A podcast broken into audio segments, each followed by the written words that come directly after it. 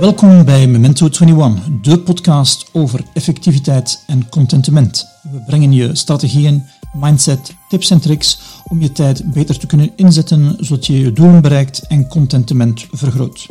Ik ben Johan Taasleer, je host en mede-experiments. Geniet van de volgende aflevering.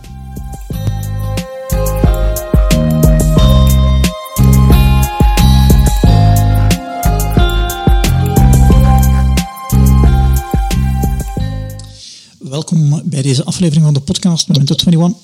Deze keer opnieuw niet met Steve, maar met Leslie. Dag Leslie.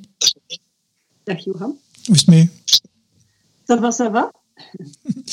Leslie, als mensen nu tegenkomen op straat en, of ergens anders en uh, ze vragen aan u, zeg Leslie, wat doe jij? Wie zeg jij? Wat antwoord dan? dat kan heel uiteenlopend zijn. Uh, maar over het algemeen zal er wel iets tussen komen van, uh, in de zin van ik adem levenslang leren. Um, en, en ik ben gepassioneerd bezig met alles wat met HR en innovatie te maken heeft. En levenslang leren, um, wat uitziet dat dan? Oh, ik, het loopt als een, een, een, rode draad door, door alles wat ik doe, alles wat ik gedaan heb in mijn loopbaan en alles waar ik continu mee bezig ben. Um, alles wat ik zie, alles wat ik lees, alles wat ik hoor, elk gesprek dat ik heb met mensen. Daar, daar, ja, dat, dat, ik ben eigenlijk een spons. Ik zuig dat op en, en dan gaan daar kleine dingetjes uit gedistilleerd worden en die koppel ik dan aan iets anders. Er gebeurt van alles. Dus bij mij is leren ademen. Ja, dat gebeurt vanzelf. Okay. Ja. En het is niet dat je een speciale protocol hebt om, om, om skills te leren of om dingen te leren. Het is heel organisch bij u. Het gebeurt heel organisch. Natuurlijk ben ik daarnaast ook wel met mijn eigen ontwikkeling bezig, heel mhm. bewust, strategisch. Um, en in het begin moest dat ook. In het begin was ik echt, en ik durf het nog regelmatig doen, maar was het echt van na elke gesprek of na elke meeting of na elke opleiding heb gevolgd, dat ik echt in een boekje schreef van wat heb ik hieruit geleerd, de ja. learnings. En op duur moet je dat niet meer opschrijven. Is dat een automatisme en, en dan is alles hier ja, op een of andere manier gestructureerd in mijn hoofd en ik, ik vertel dat continu. Um, dus het is wel zo begonnen en daarnaast ben ik uiteraard bezig voor nog altijd gewone opleidingen, um, zoals hopelijk veel andere professionals. Maar een groot deel gebeurt gewoon bij mij. Ja. Okay. Ja. Um, en uh, professioneel zijn bezig met HR? Mm -hmm. Ja. Wil je daar iets over vertellen? Het HR um, kan heel breed zijn, hè? -hmm. Ja, ik wil daar uh, zeker iets over vertellen. Uh, ja, momenteel heb ik, uh, ja, het zal ongeveer een jaar geleden zijn, bijna Zigzag HR opgericht. Mm -hmm. Dat is een, ja, een community was het in eerste instantie voor HR professionals. Die, die was ja, vrij spontaan ontstaan nadat ik het gelijknamig boek Zigzag HR had geschreven. Um, ja, die community is ontstaan um, omdat heel wat mensen zich herkenden in dat boek herkennen als professional die een zigzag loopbaan had doorlopen, of zich herkennen als HR professional. Die zeiden van het moet wel anders. En die op zoek waren naar ja, best en next practices. Die zeiden van ja, dat model is subliem en, en, ik ben helemaal mee in het verhaal en de why. Maar waar zijn dan die bedrijven die daar al mee bezig zijn? Mm. En ja, zo is eigenlijk die community op gang gekomen. Ben ik online best practices beginnen delen. En op termijn zijn er evenementen uitgekomen en dan is er een magazine uitgekomen. En ja, ondertussen is dat wat, uh, wat Zigzag HR omslaat. En dat zal nog veel meer worden, maar dat is wel de rode draad. Ja, ja. En daar zit jij de, de bezielster en de ondernemer in. En, en ja, als je dan naar uw dag kijkt, hoe moet ik me dan de, de, de doorsneedag van, uh, van Leslie voorstellen? Ja, die zijn er gelukkig niet, doorsneedagen. Maar ik ben ook niet doorsnee, ik hou daar niet van. Um, wat niet wil zeggen dat er geen structuur is. Mm. Ik plan best wel veel um, en ook ver op voorhand. Um, in de zin van de, de topics liggen vast van zich, zeg ik. Ja. Dat maakt dat, dat, dat op een of andere manier mijn, mijn brein die prikkels opvangt. Als mm. ik weet dat er ergens binnen drie maanden een dossier is over engagement, dan ga ik elk artikel, elke persoon die erover spreekt, dat, dat ding, ding, gaat er ergens een, een, een belletje rinkelen bij mij en sla ik dat op of hou dat bij.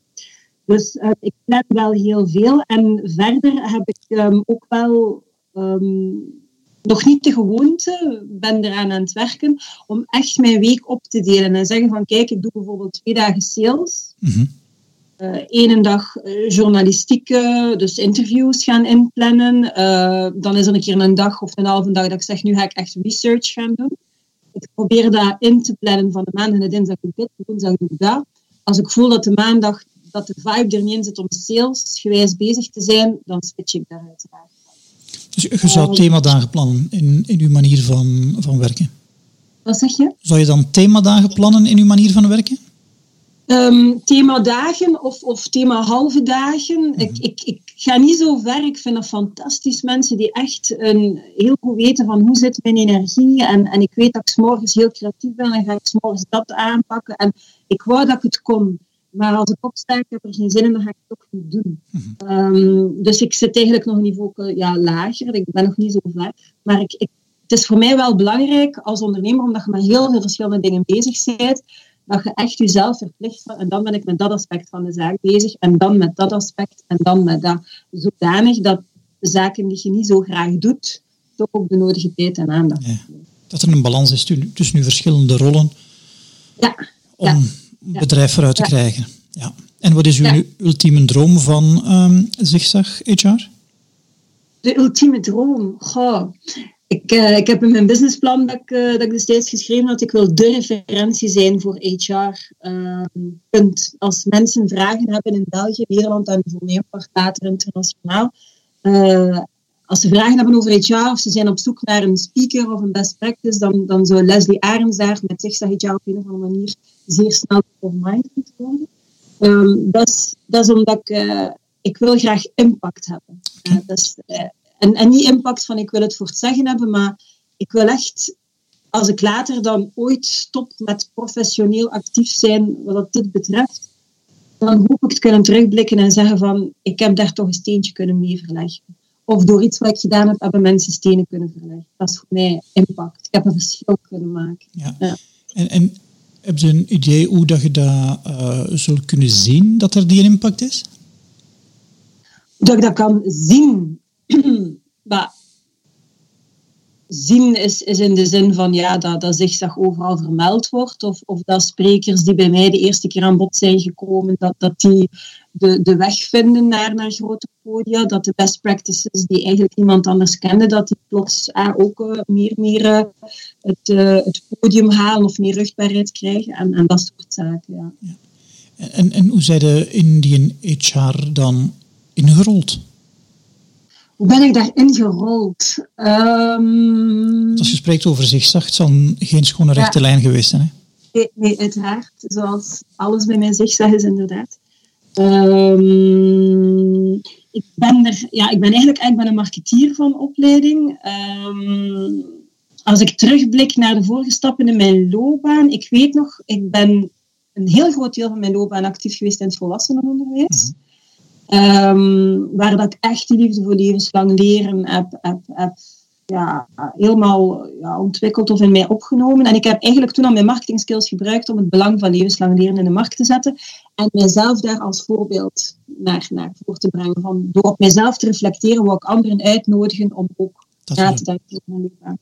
Nu, het moment dat ik dan in dat volwassenenwijs een jaar of twaalf of dertien al actief was, dan dacht ik van ja, een vaste benoeming. Um, ja, onderwijs is, is, en dat is zo, uh, dat is vrij hiërarchisch en gestructureerd en geregeld. En je kunt daar niet buiten de lijntjes kleuren, wat ik wel graag doe. Um, dus ik wist van, dit gaat niet verder. Ik, ik moet naar leren en ontwikkelen in, ja, in het bedrijfsleven. Dus heb ik mijn vaste leerling opgegeven, ben ik bij VOV terechtgekomen. Dus de Federatie voor Learning and Development Professionals in uh, België, het Vlaamstalig gedeelte van België. En ik weet nog toen, ik denk, ik was er nog maar een week bezig. Ik moet altijd al een perspectief hebben naar de toekomst. Mhm. Om, om te kijken van wat gaat de volgende stap zijn, zodat ik weet waar gaat mijn koers naartoe. En ik weet dat ik toen heb gezegd, de volgende stap zal HR zijn. En mijn man, dat was toen ook een marketeer, is ondertussen HR. Is u gevolgd? gevolgd, dat had hij niet graag horen, maar uh, hij heeft ook een zigzagwending. Uh, Zoals de meeste van ons. Ja. Zoals velen inderdaad. Uh, maar ik weet dat hij mij uitlacht. Hij zei, jij in HR, no way dat jij ooit iets in HR gaat kunnen doen. En vandaag de dag contacteren mensen als je zit in Defensie in HR. Denk ik wel van, kijk.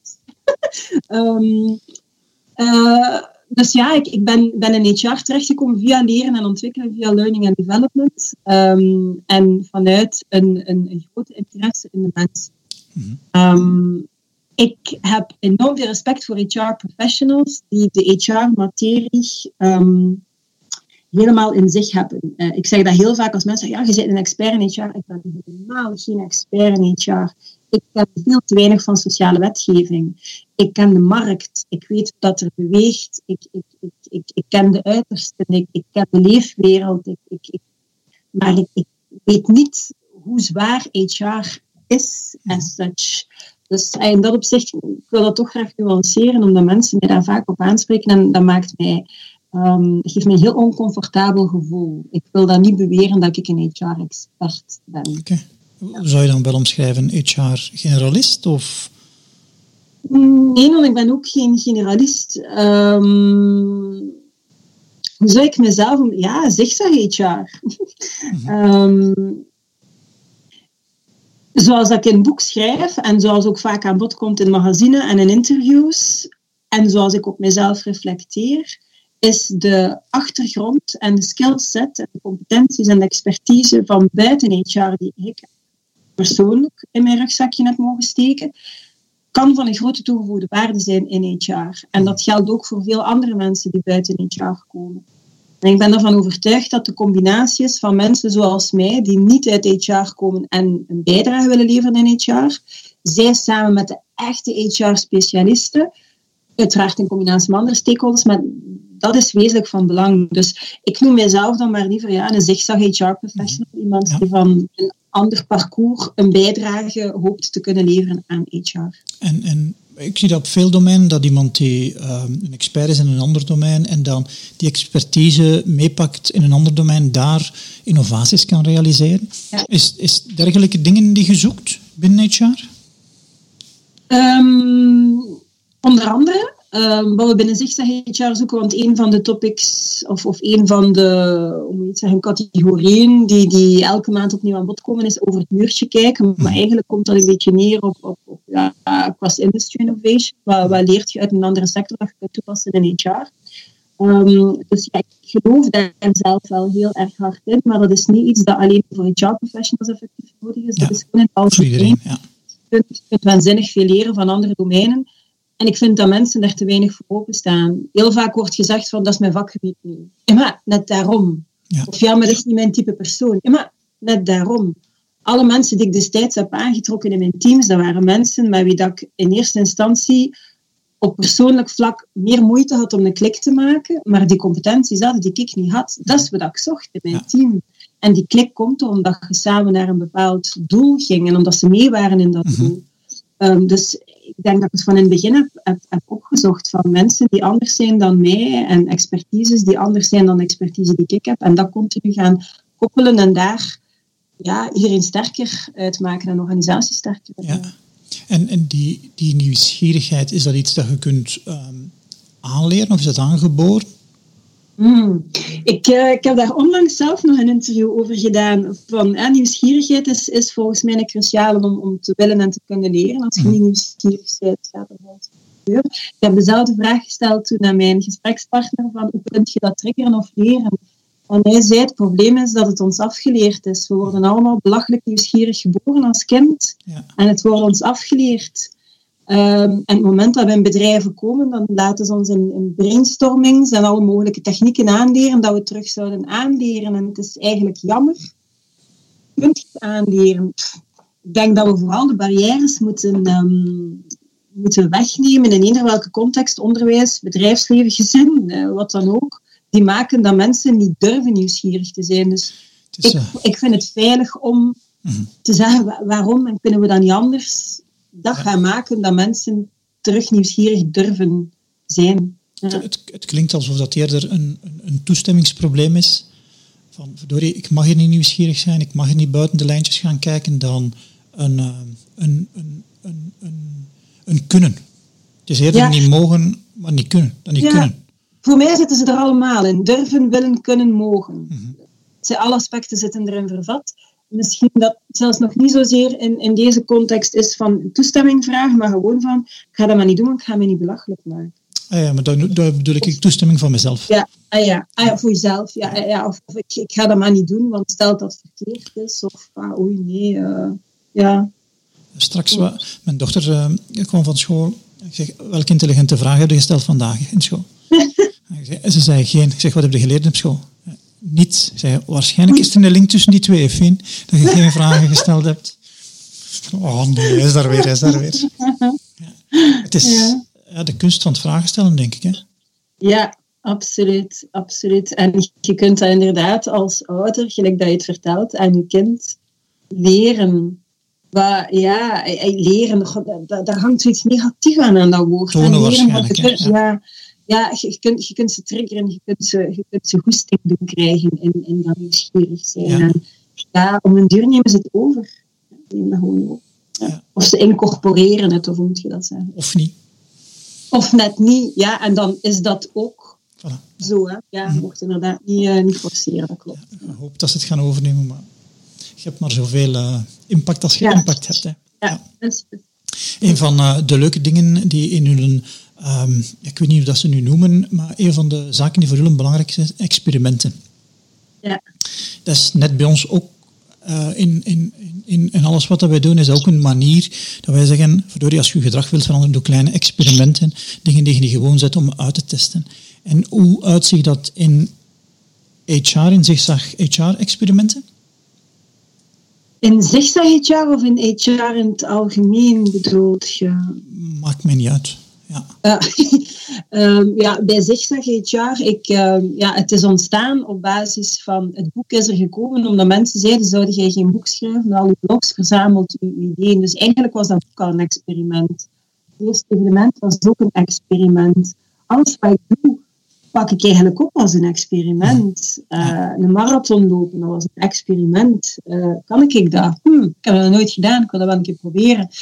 Um, niet vanuit een, ik, ik wil de beste zijn en ik wil daar de eerste in zijn en ik wil, ik wil daarin excelleren, maar gewoon van, mm, dat lijkt me wel iets, want ik heb me daar al een aantal mensen over aangesproken en ik ben er beginnen over doorvragen en, en ik, ik moet daar iets mee doen. Mm in, in dat opzicht uit, uitzicht dat in het algemeen, denk ik, bij mij. En binnen zigzag HR, ja, dus het boek is er gekomen door, het experiment, door experimenteren, tijdschrift, nu ook ja, met, met podcast en video beginnen, was gewoon ja, mensen die zeiden vooral jongere HR-professionals, die zeiden van, waarom doe je dat nog niet? Dan dacht ik van, ja, waarom doe ik dat eigenlijk nog niet? Ik weet niet omdat ik er nog niet bij stilgestaan had. Waarom? En dan ben ik beginnen zoeken en beginnen kijken en, en kleine dingetjes beginnen opnemen en feedback vragen aan die studenten vooral. Van, ah, wat vinden daarvan? Hè? Mhm. En dan, ja, op een bepaald moment, ik ga niet in, ben niet in de diepte gegaan om te kijken van een groot marktonderzoek en zit HR erop te wachten. Dan is het gewoon je experimenteren, doen. Mhm. En dat een kans geven gedurende, ja, laten we zeggen, een maand of vier, vijf. En als ik merk dat dat niet aanslaat, dan ga ik er negen of tien iets anders mee doen. Mm een draai aan geven. Maar je moet het ook wel de tijd geven. Hè? Als je een experiment opzet, moet je wel de tijd geven van, ja, dat, dat er iets mee kan gebeuren. Ja, uh, ja het, is, het, is, het is voor mij een heel belangrijke. Ik uh, kan mij evenwel inbeelden dat in het bedrijfsleven minder evident is uh, om zo te experimenteren. En ja, ik kan mij ook inbeelden als ik zelf een, een, een bedrijf zou hebben van, pak een KMO van 200 mensen of zo, dat ik dan een beetje ongerust zou zijn van als mijn werknemers pas, we gaan hier een experiment opzetten en we gaan al de rest even laten liggen, dat, dat, dat ik ook even stress zou krijgen van oei, oei, oei, ik wil daar precies nog iets meer over weten. Dus um, het is volgens mij voor bedrijven heel belangrijk om dat toe te laten, maar om een kader te scheppen, mm -hmm. te scheppen waarbij dat mensen weten van ik kan experimenteren, maar er zijn een aantal dingen die toch wel gewoon ook moeten gebeuren. Dus dat ze zelf de, de, de mogelijkheid krijgen van ik, ik, kan mijn tijd vrij benutten en, en we weten waar naartoe. En ik kan hier wel een keer experimenteren, maar dat mag niet ten koste gaan van, van, van de klant of van, van het bedrijf of, of van mijn collega's. Mm -hmm. ja. Ja. En dat is lastig. Ja? Als je een groter bedrijf hebt of, of je bent zelfstandig, ja, je doet en ja. je moet erop als het werkt. Hè? Ja. Ja, ik merk, of merkte in het verleden dat uh, dingen verkocht krijgen als een test, als een pilot, dat dat ongelooflijk gemakkelijk gaat. Ja. Makkelijk, ja.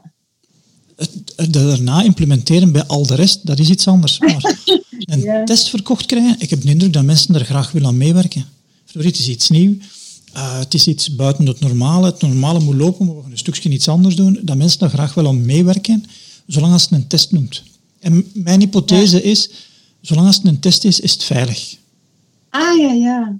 Ja, dat ze geen schade kunnen berokkenen. Dat, dat niemand zelf schade kan berokkenen. Ja. De stakeholders niet, de mensen die aan deelnemen niet. Het is een experiment. Inherent Ja. aan een experiment is, het kan verkeerd gaan. En dat Ja. dat een soort veiligheid creëert dat de meeste mensen zeggen, oh ja, dan doen we mee. ja. En, en Maar ja, als je het dan natuurlijk wilt laten doorcijpelen in de rest van de organisatie, dan, ah nee, dan, dan vind ik dat precies ook moeilijk. Want als, gelijk dat ik het u nu over vertellen, is het zo van spielerij. Voor mij is een experiment en, en dat doet het toch omdat je wilt innoveren. Innoveren doet je niet om een beetje gek te doen. Hè. Innoveren doet je omdat je een nieuw businessmodel wilt verkennen of een nieuwe markt wilt verkennen of een nieuwe strategie wilt verkennen. En als ik het, als ik het dan zo dan denk ik van, we gaan een beetje spelen. Nee, nee, we gaan niet spelen. We, gaan, we zijn daar naartoe op weg, maar we hebben hier een opportuniteit onderweg ge- gedetecteerd en we willen een keer kijken of wat er meer in zit. Dus dat blijft veilig, maar dat, dat, dat dient wel het doel van de business. ah, morgen terecht, ja, het, is, het, is, het is geen bezigheidstherapie. Hè? Nee, ja. ja. Maar dat is soms precies wel een beetje de connotatie die ik vind die er, eh, als je spreekt over innovatie of creativiteit. Oh, we gaan een beetje, we gaan een beetje zot doen. Nee, Nee, nee. Nee, het, Ja. het, ga- het gaat eerder over van, we hebben een, standaardmethode, we willen verbeteren. Ah, laat ons iets testen, laat ons een pilot doen om te gaan kijken, werkt dit, werkt dit niet, Ehm, zonder de rest overboord te gooien. Ja. En dat is voor de meeste mensen wel veilig genoeg om daar te zeggen, ja, daar willen we aan meewerken. Ja. Ja. En ehm, ik vond het wel fijn om te lezen in hun, in hun principes van experimenten. Dat is zo een van de dingen die, ja, waar dat we mee eh zigzag HR achter staan om te doen. En zijn er zaken die bedrijven dan kunnen doen om, om dergelijke, is een soort mindset, een dergelijke soort mindset te integreren in hun bedrijf? Mensen te integreren in een bedrijf. Of, ja, ik, ik- je hoort van steeds meer vooruitstrevende bedrijven dat ze zeggen van wij, wij werven mensen effectief aan op, op die ja, leerbereidheid en, en learning agility. Hè. Dus de, de, het, het, ehm, voor mij is innoveren en experimenteren en, en nieuwsgierigheid, dat, dat veronderstelt een beetje een learning mindset. Dus meer en meer hoort je progressieve bedrijven zeggen van wij werven daar effectief mensen op aan. Dus dat is al een goed begin. Als je die natuurlijk aanwerft om ze daarna in een blueprint te stampen, waarin dat ze alleen maar de dingen mogen doen die op dat papier staan, ja, dan gaan die mensen vertrekken of doodbloeden. Of, en dan gaan we hun de creativiteit en innovatie en experimenteren afleren.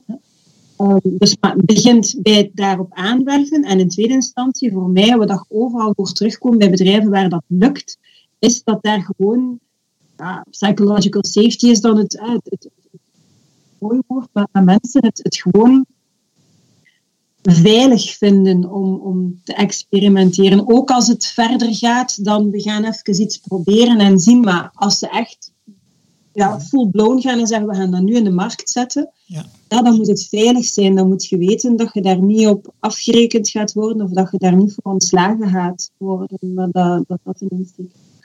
Dus je merkt het wel bij, bij steeds meer bedrijven en die zullen volgens mij ook wel het verschil maken op termijn. Ehm, je hebt daar een mooie term voor, hè? nieuwsgierige mensen die graag experimenteren, een learnetic. Ik noem mijzelf ook een learnetic. Dat is een, eh, een term die ik gewoon gepikt heb van eh, Sebastian Bailey. Bailey, dat was op een, een conferentie in, in de Verenigde Staten, ATD. En die had een, een talk over mind en een van de elementen die hij in die talk bracht was van you need learnetics in your organization. Learning En tics. Gelijk dat je een lunatic hebt, dus iemand die gek is. Hè? Lunatic, iemand die gek is van leren. Dus iemand die leren incorporeert, iemand die de dingen continu in vraag stelt. En veel bedrijven willen die wel, maar een keer dat dat profiel in een organisatie zit, zijn ze het wel vlug moe, want een lunatic stelt effectief alles In vraag. Mhm. Die, en dat is lastig. En, en dat kan drammerig overkomen. Ik ehm, kan me heel goed inbeelden dat de teams waarin dat ik zat, dat, maar waarom doen we dat zo? Kunnen we dat een keer niet op een andere manier? En waarom, ja, we hebben dat altijd zo gedaan. Jezus, daar gaan we weer. Ja. Prima, maar ik ben ervan overtuigd dat het op deze manier misschien ook kan werken. En ja, dat kan drammerig worden. Prekerig soms. Dus, wat zeg je? Prekerig. Prekerig, ja, echt. Blijven op, op die na, gewoon omdat, omdat, omdat ik toen bijvoorbeeld ervan overtuigd was van, met deze manier, dat is niet goed, je moet een andere manier zoeken. Dus bedrijven die die Learnetics aantrekken, die moeten dan één weten wat dat betekent. uh, als ze zo mensen aantrekken. En op zoek gaan naar um, ja, manieren om die mensen ook te coachen. Te zeggen van je moet weten wanneer dat je moet stoppen. Of, of je, je communicatieskills naar die mensen aanpassen. Of hen soms ook in bescherming. Hey, bescherming is niet het juiste woord, maar hey, het zit vaak in, in um, de woorden die je dan gaat gebruiken. Of, of het extreme enthousiasme waarmee dat je anderen zou dreigen te overvleugelen. Dus een, een goede leidinggevende, die kan met die learnetics omgaan, zodanig dat die daaruit haalt wat erin zit, zonder de drammerige en andere ja, nadelige effecten, zo gezegd. Ja. Gaat dan in C over uh, een ander soort leiderschap?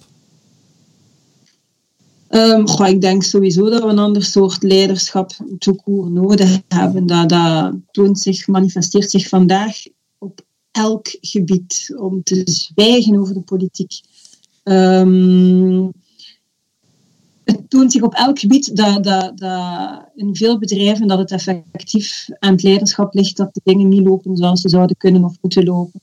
Um, ik geloof wel niet in de ideale leider met een bepaald profiel die charismatisch of dit of dat moet zijn. Um, volgens mij is het heel sterk afhankelijk waar dat die organisatie staat op dat moment. welke levensfase eigenlijk nu, welke mate is dat bedrijf zwaar of minder zwaar geïmpacteerd door corona. Hoe zit dat met die populatie? Zijn dat allemaal, is dat een homogene workforce of, of net niet? Um, zitten die mensen samen of net heel verspreid? Um, zit bedrijven in problemen of, of zitten ze in een gigantische groeispurt? Afhankelijk daarvan heb je een ander type leider nodig. En een goede leidinggevende kan zich verschillende leiderschapstypes eigen maken, los van zijn of haar eigen naturel. Um, maar ik denk wel dat het belangrijk is om afhankelijk van de fase of het stadium waarin je bedrijf zit, dat daar gewoon een, een andere leidinggevende beter geplaatst kan zijn. Ja. Dat wil niet zeggen dat je om de twee of drie jaar of om de zoveel tijd een nieuwe CEO of leider moet zoeken. Um, want je kunt, je kunt dat ook op andere manieren gaan waarborgen. Maar je moet je daarvan bewust zijn. Of bijvoorbeeld iemand die um, heel sterk geweest is, een heel sterke leidinggever of leider in een andere rol, in een ander bedrijf. is geen enkele garantie dat hij in jouw bedrijf of in jouw team ook zo goed gaat presteren. Dat is heel vaak het resultaat van de context waar dat hij toen in zat, samenwerking met team. De, de, zijn zoveel, zoveel variabelen die maken of dat die persoon gaat thriven of, of helemaal de mist ingaan. Ja. En, en de impact van corona hebben we nu gezien dat veel meer mensen gaan thuiswerken. Is dat echt uh, een, uh, ja, een sleutelmoment voor de toekomst van uh, eh, HR? Een sleutelmoment voor de toekomst van HR. Um, ehm, sowieso is de coronacrisis een HR-crisis, dat is wel een duidelijke. En een HR-crisis waarmee dat ik bedoel, als het een financiële crisis was, kijkt iedereen naar de CFO. Bij deze crisis kijkt iedereen naar de HR-directeur. Uh, hij of zij heeft, heeft eigenlijk alle tools en alle, alle dingen in handen om daar iets mee te doen. Um, als het gaat over remote werken, um, dat is iets waar heel veel bedrijven wel al mee bezig waren. En dat nu eigenlijk heel versneld heeft plaatsgevonden. Um, en ik ben er ook nog altijd niet uit. Is het nu goed, is nu niet goed? Er zijn heel veel voordelen voor de, de, de, de, de professional. In de zin van, ja, je moet niet in de file gaan staan, hè, je wint tijd en zo verder. Maar langs de andere kant, ja, die connectie, hè, wanneer sluit je af? Structuur, mensen hebben ook graag, mensen hebben graag die structuur. Voor het bedrijf is dat dan een gigantische besparing natuurlijk. Maar langs de andere kant hebben we dan gewerkt bij de, nood en controle. Um, is dat een sleutelmoment. Uh, het is gewoon, de, context is weer anders. De rol van HR blijft dezelfde als, als al altijd. Hoe zorgen we ervoor dat mensen met goesting naar hun werk gaan, of dat het nu thuis is of, of elders. Hmm. En hoe zorgen ervoor, als ze gedaan hebben met werken, dat ze het gevoel hebben van, ah, voilà, ik heb, dat heeft er hier toe gedaan. Ik, ik heb hier bijgedragen, dat maakt hier een verschil. Dus die rol van HR blijft hetzelfde, maar die context is hmm. gewoon veranderlijk en veranderend. En nu is dat ja, telewerken en dat betekent dat daar nieuwe policies voor nodig zijn. Dat is dan weer die echte core kant van je, je, hebt, je hebt policies, je hebt regelgeving nodig als er iets gebeurt, ook naar ergonomie. Um, daar, naar burn-out gaan we moeten kijken van hoe zorg je ervoor dat mensen dat evenwicht bewaren en bewaken zelf, zonder dat je daar controlerend op staat te kijken. Um, ja, en, en, langs de andere kant, hoe gaat je daar innovatief um, in zijn? En, en hoe ga je zorgen ah, dat die connectie op bedrijfsniveau behouden blijft? Dat is voor mij de grote uitdaging. Je, mensen binnen een team die vinden wel een manier om te zoomen en af en toe gaan die, ah, we gaan dan dinsdag naar het kantoor en dan zijn we daar even samen. Uh, en voilà, dat is geregeld. Maar al die serendipity-ontmoetingen met andere mensen uit het bedrijf, je komt die niet tegen op Teams of op Zoom. Hè. Dus dat is, dat is volgens mij best wel een uitdaging voor HR, hoe dat, dat die connectie met het bedrijf en de collega's verdergaand dan je eigen team gaan, gaan behouden blijven. Hoe gaan we ervoor zorgen dat we niet weer helemaal in die silo's gaan zitten? Mhm. Ja. Omdat we ze gewoon niet meer zien, de rest van de, de medewerkers. En, en op de eh, bedrijven in het vizier waar je vindt van, kijk, die zijn toch wel met die best practices of met de next practices bezig om dat te doen? Um, ik krijg die vraag natuurlijk veel van hè, wat is het ultieme bedrijf of wat is de ultieme sector? Ik vind er eigenlijk geen sector of type bedrijf. Sommige bedrijven, denk ik, die gaan echt super ver in een employer branding strategie. Mhm. Dat ik denk van wauw, voorbeeld voor veel bedrijven. Maar als ik dan kijk naar hoe dat ze met een tijdsregistratie omgaan, dan denk ik, oh mijn god, eh, zeer conservatief. Mhm. Dus ik ben eigenlijk nog geen enkel bedrijf tegengekomen waarvan ik zeg van dat is nu het ultieme bedrijf. Um, maar uh, ja, je, je, je, merkt heel veel, um, hoe moet ik dat zeggen? Um, het begint waarschijnlijk ook allemaal met een experiment. En dat, dat een bedrijf heel goed weet van, kijk, binnen onze populatie hier is bijvoorbeeld, um, wat zou ik nu nemen als voorbeeld, um, onboarding cruciaal. Mhm. Door context. Hè, om, om, welke reden dan ook, maar onboarding is voor hen een, een, een key uh, element. Ja, die gaan daar dan natuurlijk alle aandacht op steken, eerst door te experimenteren. Die gaan daar iets rond ontwikkelen, waardoor dat die heel sterk zijn in hun onboarding policy. Is dat daarom een progressief bedrijf of een fantastisch bedrijf? Nee, maar de onboarding mhm. is wel heel goed. Uh, en het is dat we, dat we met Zigzag HR proberen, um, van die, vanuit een bepaald thema te gaan kijken welke bedrijven zijn daar vooruitstrevend, goed, anders, um, op een aparte manier mee bezig. Dat willen we eigenlijk gaan verspreiden, beyond de torfs van deze mhm. wereld, die al jaar en dag naar voren gedragen uh, worden en, en die ook klappen krijgen door als ze een keer een foutje maken. Ehm, hoe kan ik die kleine of, of, of, of onbekende praktijken aan de oppervlakte brengen en dat dan aan de HR-community, aan de populatie van kijk, voilà, dat is een bedrijf dat binnen die context dat en dat doet. Kijk daarnaar Vind je dat relevant? Vind je dat innovatief? Is dat iets waar je iets kunt van leren? Gaat daarmee in contact? Je hebt de naam, je hebt de contactgegevens. Hebben dus niet vragen dus aan mij. Hè. Pak je telefoon, ga op LinkedIn, whatever. Maar ga daarmee aan de slag. En dat wil niet zeggen copy-paste, maar gewoon ga daarmee aan de slag en kijk van, is dat iets wat ook in uw bedrijf belangrijk is? En wil je daarvan leren? En zo proberen we eigenlijk die verschillende domeinen aan bod te laten komen, maar ook binnen elk domein de uitersten binnen dat continuum. Ik vind dat we ook wel al bedrijven aan bod hebben laten komen waarvan ik denk van, dat is nu toch wel een vrij traditionele manier van werken. Maar dat bedrijf floreert. Mhm. Dus traditioneel is niet gelijk aan slecht of minder succesvol. De traditionele aanpak is voor dat bedrijf binnen die populatie, in die context, gewoon een fantastische mix. Ja. Wat kan een ander bedrijf daarvan leren als hij dat ziet? Mhm. ja. ja. En, en die, um, dat wij geïnteresseerd zijn met, met Memento 21 is van wat kan het individu doen om beter met zijn tijd, zijn energie en zijn aandacht om te gaan. Maar welke rol van HR zie je daarin om dat ja, een stukje te enablen, een stukje te faciliteren, zodanig dat mensen beter met hun energie en hun aandacht kunnen omgaan? Als ik zo op mijn carrière denk, in, in het bedrijfsleven, denk van een van de grootste bronnen van tijdsverlies voor mij was de onnoemelijke onderbrekingen die er waren doorheen de dag. Wat zou HR daar kunnen doen om, ik weet niet, een, een soort cultuur te creëren waar dat mensen kunnen en mogen uh, hun beste werk leven? Ja. Um, wat, wat iets wat ik spontaan aan denk, maar dat is zeker niet het enige, is, is de inrichting van de werkplek. Sowieso speelt daar al een belangrijke rol in. En daar zijn heel wat bedrijven mee bezig. Um, waar we vroeger, ondertussen zijn, denk ik, is nagenoeg iedereen aan het afstappen van dat landschapskantoor. Dat is gelijk aan onderbreking, denk ik dan, bij landschapskantoren. Maar je ziet toch wel veel bedrijven die echt zones zijn beginnen um, creëren in een organisatie. Uh, van hier is de plek waar dat je samen kunt zitten, hier is de plek waar dat je ongestoord kunt werken. Dus daar kan HR wel die rol innemen als het gaat over uh, de, de, omgeving creëren. Dus dat, dat gaat dan over de, de bricks, en dat die experience daar zeer positief is. De technologie voorzien dat mensen van eender waar kunnen werken. Als blijkt dat mensen graag ongestoord werken van thuis uit of remote, ja, hoe kan HR er dan mee toe bijdragen dat de technologie daarop voorzien is?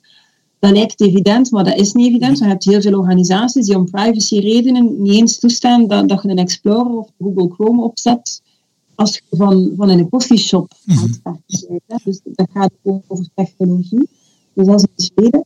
Um, en een derde is ja, het moeilijkste natuurlijk de cultuur. Hè. Um, en, en in, in, niets van die dingen kan HR het alleen doen, maar HR is daar voor mij wel de, de partner bij uitstek die, die de, de tentakels eh, continu uitzet van wat, wat hebben die medewerkers hier nodig, individueel, maar ook op teamniveau en, en globaal dan. Wat hebben die nodig? Um, en, en hoe kan ik daarmee concreet laten worden in de organisatie en welke stakeholders moeten we daarvoor mee um, kunnen overtuigen? Waar moeten we buy-in uh, gaan, gaan krijgen? Dus ja, dat zijn technologiecultuur en, en, en de werkomgeving zelf zijn volgens mij cruciale. En dan daarnaast heb je uiteraard, ja, kan HR daar een stukje een rol in opnemen. Als, je hebt heel veel coaches en veerkrachtcoaches al ondertussen in organisaties, die echt op individueel niveau met mensen bezig zijn om te kijken van oké, okay, uh, ja, hoe zit dat met je energiebalans en, en wat, heb jij, wat heb jij nodig uh, en wanneer kunt jij wat het beste werk leveren het is de combinatie daarvan. Dus ja, eigenlijk is mijn conclusie, HR kan niet alleen, maar HR heeft wel de, de, de sleutel in handen om okay. alles in beweging te krijgen. En is een katalysator misschien, ik weet het niet. Uh, ja, de sleutel in handen. En is uw ervaring dat HR dan genoeg in, de, in het managementteam zit van de, de meeste bedrijven om dat te realiseren? Ja, ik denk dat de dagen echt wel voorbij zijn dat jaar niet in het managementteam zat. En vooral was dat de discussie van hoe raken we, we want to seat at the table. Um, ze moeten die seat natuurlijk verdienen. Hè. Um, dat betekent dat je niet alleen sterk moet zijn in HR en in, in de people side, maar ook in, in het financiële aspect en in het business aspect. Dat dat dat, dat je daar getoond dat je daar mee bezig bent, dat je daarin geïnteresseerd bent, dat je daar kennis van hebt. Dat, zodanig dat je daar de, de, de nodige um, de, de, de, de mensen ook serieus nemen, -hmm. de credibiliteit. Uh, um, dus volgens mij zitten we nu wel al in het stadium dat HR wel mee aan tafel zit. Er is alleen nog een groot verschil. Zit HR mee aan tafel om HR-dingen te hebben als het uitgevoerd moet worden? Mm. Of zit HR mee aan tafel om mee in de strategie te kijken van en wat is, wat, wat is de rol daarvan? Dus in mijn ervaring als je echt mee wilt tellen vanuit HR, dan zit je niet gewoon mee aan tafel, maar dan, dan zet je mee die lijn uit. En dan ja. kijkt je van, dan wacht je niet van, oh, je moet herstructureren, ja, lab. Maar dan zeg je van, wat gaan we doen om te vermijden dat we gaan moeten herstructureren. Ja, um, ja niet echt strategische gesprekken kunnen gaan. Oké. Okay. Ja. En dat is allemaal op, um, ik zal zeggen, op, op teamniveau, op organisatieniveau. Mm -hmm. um, als je naar, jezelf kijkt om te organiseren, wat zijn de zaken waar je zelf het meest, als je het wilt vertellen, waar je het meest tegenaan loopt? Ikzelf, en hoe bedoel je dan? Ik denk dat je vraag nog niet uh, concreet Als je zegt van, ik wil meer impact hebben, wat is dan -hmm. voor u nu de, de bottleneck waar je het meest uh, mee te maken hebt? Om meer impact te hebben? Um, Goh, is een bottleneck? Ik ben extreem ongeduldig. Ehm, dus een bottleneck voor mij is van, oh, ga er niet vooruit. En dat ik in de val zou trappen om mensen ehm, op te jagen of, of een oncomfortabel gevoel te bezorgen, omdat ik wil dat een boel vooruit gaat.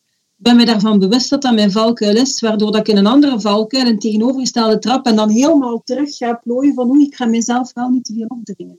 Uh, dus dat is, dat is een beetje, uh, ja, is dat lastig? Ik weet het niet. Dat, dat, dat is, neem ik daar vrede mee? Nee, maar dat, dat is, ik, mhm. dat is, dat, dat is de context waarbinnen dat ik dat moet doen.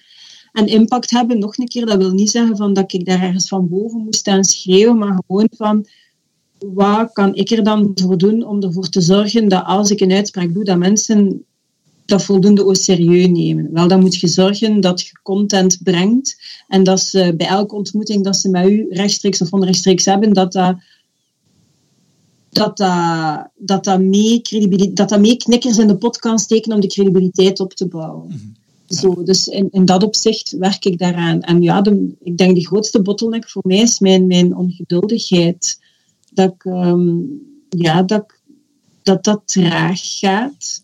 Ehm, en dat ik me daar misschien meer mag laten uh, in bijstaan. Ik ga ook niet voor hulp vragen. Mhm. Ik ga heel vlug hulp vragen voor anderen en dingen delen voor anderen. En, en voor best practices te vragen vind ik ook niet erg. Maar als ik, Leslie, hulp nodig heb, hmm, dat ga ik niet vlug doen. Dus dat zal mijn tweede bottleneck dan zijn. Ja. Ik heb nu nog een paar kortere vragen. En mocht er lang op antwoorden of kort op antwoorden, hoe dat je het, uh, het zelf verkiest. Um, wat is het voor u het boek dat je zegt van dat wil ik echt wel graag meenemen als ik naar een onbewoond eiland ga? Oh. Bijna onmogelijk. Uh, Mogen er ook twee zijn?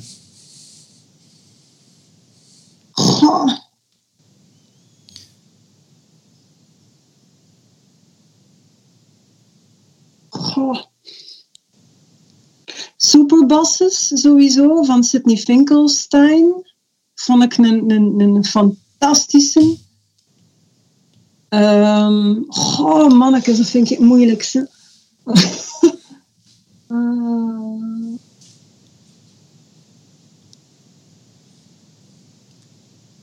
van een oudere boek als How to Influence Others van, van Dale Carnegie. Oh, ik ben de eerste titel kwijt. Um, die, van, die van Think and Grow Rich? Nee. How to Influence, ja, ik heb mijn telefoon ook niet bij. How to Influence Others. Dale Carnegie, die een boek is 100 jaar oud bij manier van spreken. Okay. Dat je andere mensen kunt overtuigen. Um, how to Influence Other. Ah, ik ga hem moeten. Ik ga, ik ga ja, dat is niet. En superbosses, ja, maar ik vind het, er zijn er veel meer. Mm -hmm. En vandaag is dat een dienen en volgende week is dat een ander. Maar superbosses komt altijd terug. Oké. Okay. Uh, ja. Wat is het boek dat je dan nu aan het lezen bent? Of de boeken? Oh god. Um, ik heb nu juist... Goh, waar? Uh, nu ben ik nu juist aan het lezen, want ik lees er eigenlijk Aha. altijd een stuk of Pieter. Van uh, Pieter Zaalman. Um, Pieter was uh, vier weken geleden gast op de podcast. Is dat? Ja. Net voordat zijn boek uitkwam. Ja. ja, opgestuurd. Dus die ben ik nu aan het lezen. Um, wacht, en die van, ja, maar dat is ook een die ik nu toevallig heb toegestuurd gekregen, van Pascal van Loo. Van, uh, ik vond een titel ook gewoon leuk. Van ronde, ik ben de titel wel even kwijt. Het gaat erom over, je hebt ronde organisaties, je hebt vierkante organisaties, je hebt hybride organisaties. Mm -hmm. En eigenlijk, ja, het idee is dat hybride organisaties uiteraard het beste zijn. Dus die ben ik aan het lezen. De nieuwste van Peter Hinsen eh, ben ik in begonnen. Um, en, en ja, antifragiliteit ben ik een ander hoofdstuk aan het lezen, omdat dat aan bod kwam, goh, ik denk een gesprek of twee, drie geleden. Ik ben eigenlijk altijd vier, vijf boeken tegelijkertijd aan het lezen. En vroeger waren het echt boeken die ik zelf bestelde. Mhm. En dat vond ik eigenlijk het tofste. Um, nu zijn het boeken die ik moet lezen om me ergens in te werken, of die ik wil herlezen omdat ik het ergens gehoord heb, mhm. of omdat boeken zijn van mensen die vragen of dat het aan bod kan komen in zigzag HR. En als ik ze aan bod laat komen in HR, wil ik ze wel eerst zelf lezen. Ja. Ehm, maar dat mis ik wel. Kijk, als er nu één ding is waar ik geen tijd meer voor heb, is het graven en grasduinen in boeken die ik zelf wil lezen. Titels die niemand kent. Uh-huh. Daar kom ik niet meer toe. En dat vind ik verschrikkelijk. Ja, ja dat vind ik echt verschrikkelijk. maar ja, kijk. Ergens moet je een prijs betalen, hè? Ja, ja. Dat is, ja, prijs betalen, dus, dus you can't have it all. You can have it all, but you can't have it all at the same time. Ja. Um, welke tool zou je in je dagelijkse um, werkzaamheden niet kunnen missen? Um, Trello. Trello is voor mij, daar staan um, zowel longlists van redactievergaderingen als de topics die de komende 15 maanden aan bod komen in Zigzag HR. Daar sla ik alles continu in op. Open Your Mind speakers. Ja, voor mij is Trello het ideale, de ideale vervanging voor de, de, de, de post-its die anders overal plakten en, en rondzwabberden. Ja. Het is een gedeelde Trello voor het redactieteam of het is uw persoonlijke Trello? Nee, want mijn redactieteam werkt er niet graag mee. Dus het is mijn, en het redactieteam werkt dan ja, op, Drive, delen we dan de, de topics. Dus maar ik verzamel ze daar en ik denk dat het ook voor hen niet werkbaar zou zijn. Want er zit ook geen structuur in voor hen. Je kunt trend fantastisch aan met, met vlaggen en je kunt daar taken aan toewijzen. Bij mij zijn dat flarden en stukken en artikels en voor mij, it makes sense. Iemand anders gaat er helemaal gek van worden. Ja. Dus uh, ik dring het ook niet op. Oké. Okay. Uh, ja. Zijn er nog zaken die je zou willen vertellen, uh, Leslie? Goh. Je mag ook heel hard reclame maken voor een van uw bezigheden. Hè? um, ja, goed. Ik hou daar zo niet van, denk ik, van zo'n zo plat reclame te maken. Um, als ik dan toch een stiekem hoop mag delen. En af en toe gebeurde dat al als het boek er juist uitkwam. Ik zou het zo fijn vinden als mensen op een bepaalde dag met elkaar in gesprek zouden gaan en zouden zeggen, ah, zit je ook een zigzagger? Mhm. Dat zigzaggen zo echt een term wordt. Um, dat zou ik gewoon stiekem fijn vinden. Maar ik, ik, hoef, ik wil mensen niet overtuigen om in te tekenen op een nieuwsbrief of een abonnement te nemen op een magazine. Als, als je bezig bent met HR, dan hoop ik dat ze zich HR al een keer tegengekomen zijn. Mhm. En dan gaat het hopelijk op die manier, dat gaat trager gaan, maar gaat het op die manier wel werken. Maar reclame maken, zo op het einde, nee, daarvoor wil ik meer diepgang kunnen, kunnen pakken. Ze kunnen, ze kunnen dingen lezen op hrzigzag. www.zigzaghr.be Ik zou je willen bedanken voor uw tijd. Heel graag gedaan. En tot een volgende gelegenheid. Misschien in een of ander restaurant. Dank u wel.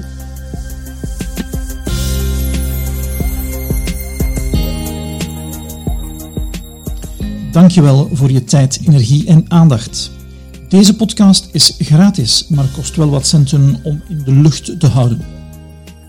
Indien je ons graag wil helpen, kan dat door ofwel een gast aan te dragen en of door ons te raten op iTunes.